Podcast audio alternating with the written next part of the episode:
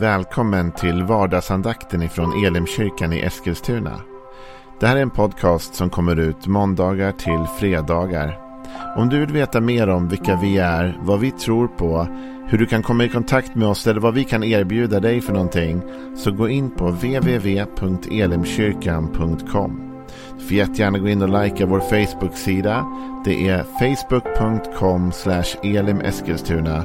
Eller så söker du upp oss på YouTube och då söker du på Elimkyrkan Eskilstuna. Vi vill jättegärna komma i kontakt med dig. Men nu lyssnar vi till dagens andakt. Välkommen till vardagsandakten denna onsdag. Vi är inne i psalm 27 och vi har hängt där ett litet tag. Och det är ganska härligt tycker jag att få vara lite längre tid i olika psalmer. Så man verkligen hinner titta igenom dem och se vad, vad tror jag att den här egentligen säger och betyder. Och, eh, och liksom, man kan ju läsa igenom dem fort och bara ta till sig själva den generella känslan. Men det är också något fint att få stanna upp lite grann vid orden och meningarna och se okej, okay, vad är det David eller någon annan psalmförfattare, vad är det de egentligen säger här i det jag läser nu?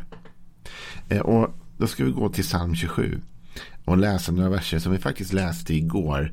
Men jag ska lyfta ur ett litet annat perspektiv ur dem. Och då är vi i psalm 27, vers 11 och 12. Visa mig, Herre, din väg.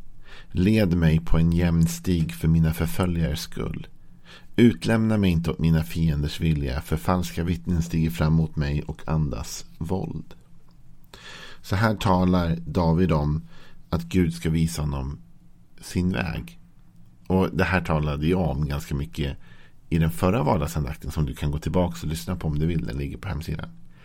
Talade jag om att, att David vill att, att Gud ska visa honom sin väg och, och vår tendens som människor att faktiskt ganska ofta gå fel.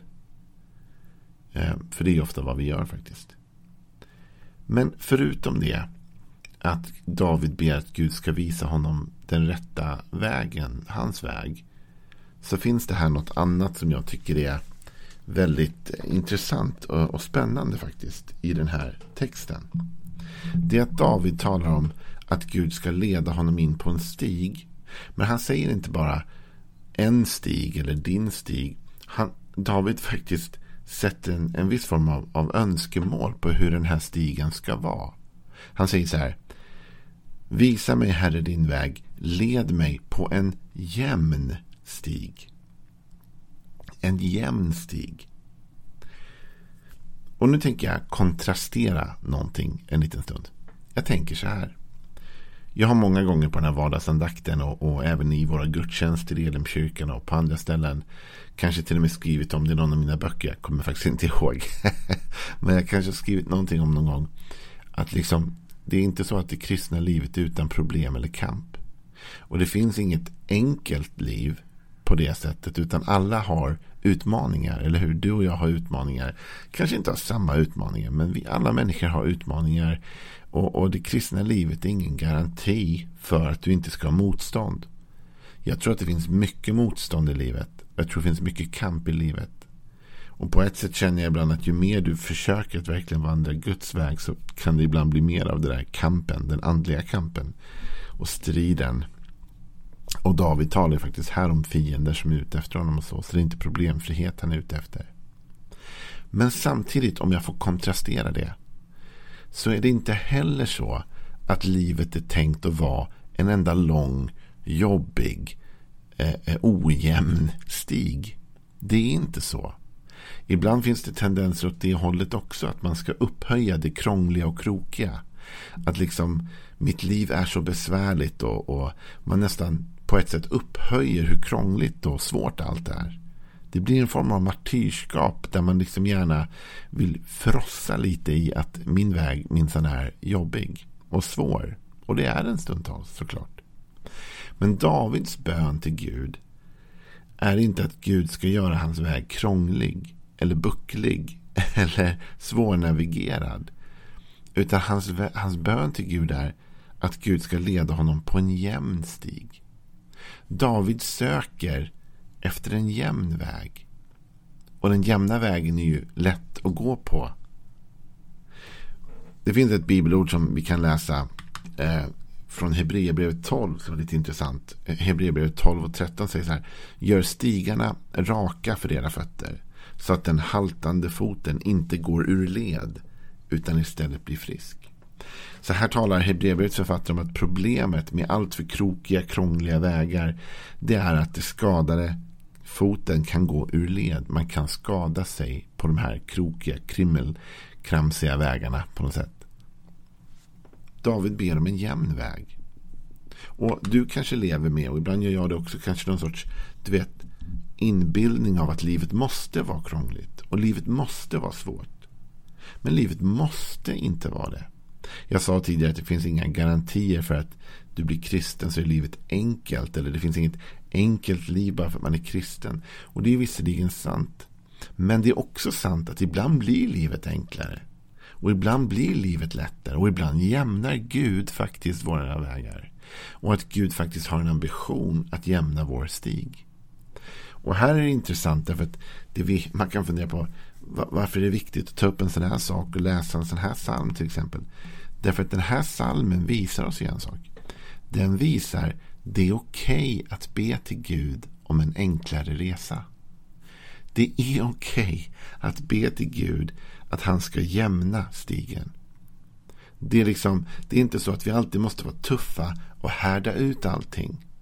Utan det är faktiskt okej okay att be om hjälp av Gud och be Gud göra resan lite lättare.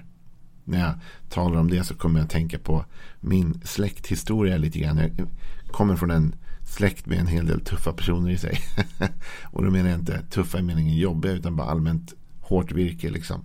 Och jag kommer ihåg en berättelse en gång om, om, om på min pappas sida så fanns det någon morbror eh, som var ute och jobbade i skogen. Liksom, högg ved till yrket. Eh, och en dag så på något sätt så faller han på sin yxa och gör illa sig då. Så att han, han, han, han skadar sig. Och eh, ja, det var bara det. De sa att han liksom, ja, du får cykla in själv till sjukhuset där länge sedan. Så han cyklade in fast han hade fallit på yxan. Liksom. Och det där liksom, kan man ju skratta åt nu. Va? Men tyvärr, vet du, en hel del av oss kristna beter oss sådär ibland. Ungefär som att vi måste härda ut allting. Ungefär som att det är en dygd om vi härdar ut. Att det är bra om jag minsann kan visa att oh, jag lider här nu och det är bra. Davids bön var inte oh, Gud hjälp mig lida. Davids bön var Gud jämna min stig. Alltså med andra ord, kan du inte göra det lite lättare för mig Gud? Jag skulle behöva en liten, lite mer smooth sailing här i mitt liv just nu. För jag tycker att det här är för jobbigt och för tungt. Liksom. Och vet du vad det intressanta är? Att när jag liksom inför att jag, jag visste att jag ville säga något om det här på vardagsandakten så då gör man ju lite research. Så jag liksom gick in och, och kollade bibelord som handlar om det här. Och vet du vad? Det finns en mängd bibelord som handlar om precis just det här. Det här var inte en isolerad rad i Bibeln. Faktum är att profeterna, speciellt Jesaja och andra, talar mycket om att Gud vill jämna vägen eller jämna stigen. Jag tänkte vi kan läsa bara liksom några av de eh, eh, orden tillsammans. Om vi börjar i Ordspråksboken så står det faktiskt i Ordspråksboken 3 och 6 här. Räkna med honom, alltså Gud. Räkna med honom på alla dina vägar så ska han jämna dina stigar. Så Ordspråksbokens författare Salomo säger att om vi räknar med Gud på våra vägar så kommer Gud jämna våra stigar. Med andra ord, om jag involverar Gud på min vandring så gör han vandringen lättare. För han jämnar marken för mig. Han gör stigen mer lättvandrad. I Jesaja 45 och vers 2 så tycker jag en fantastisk vers. Det står så här.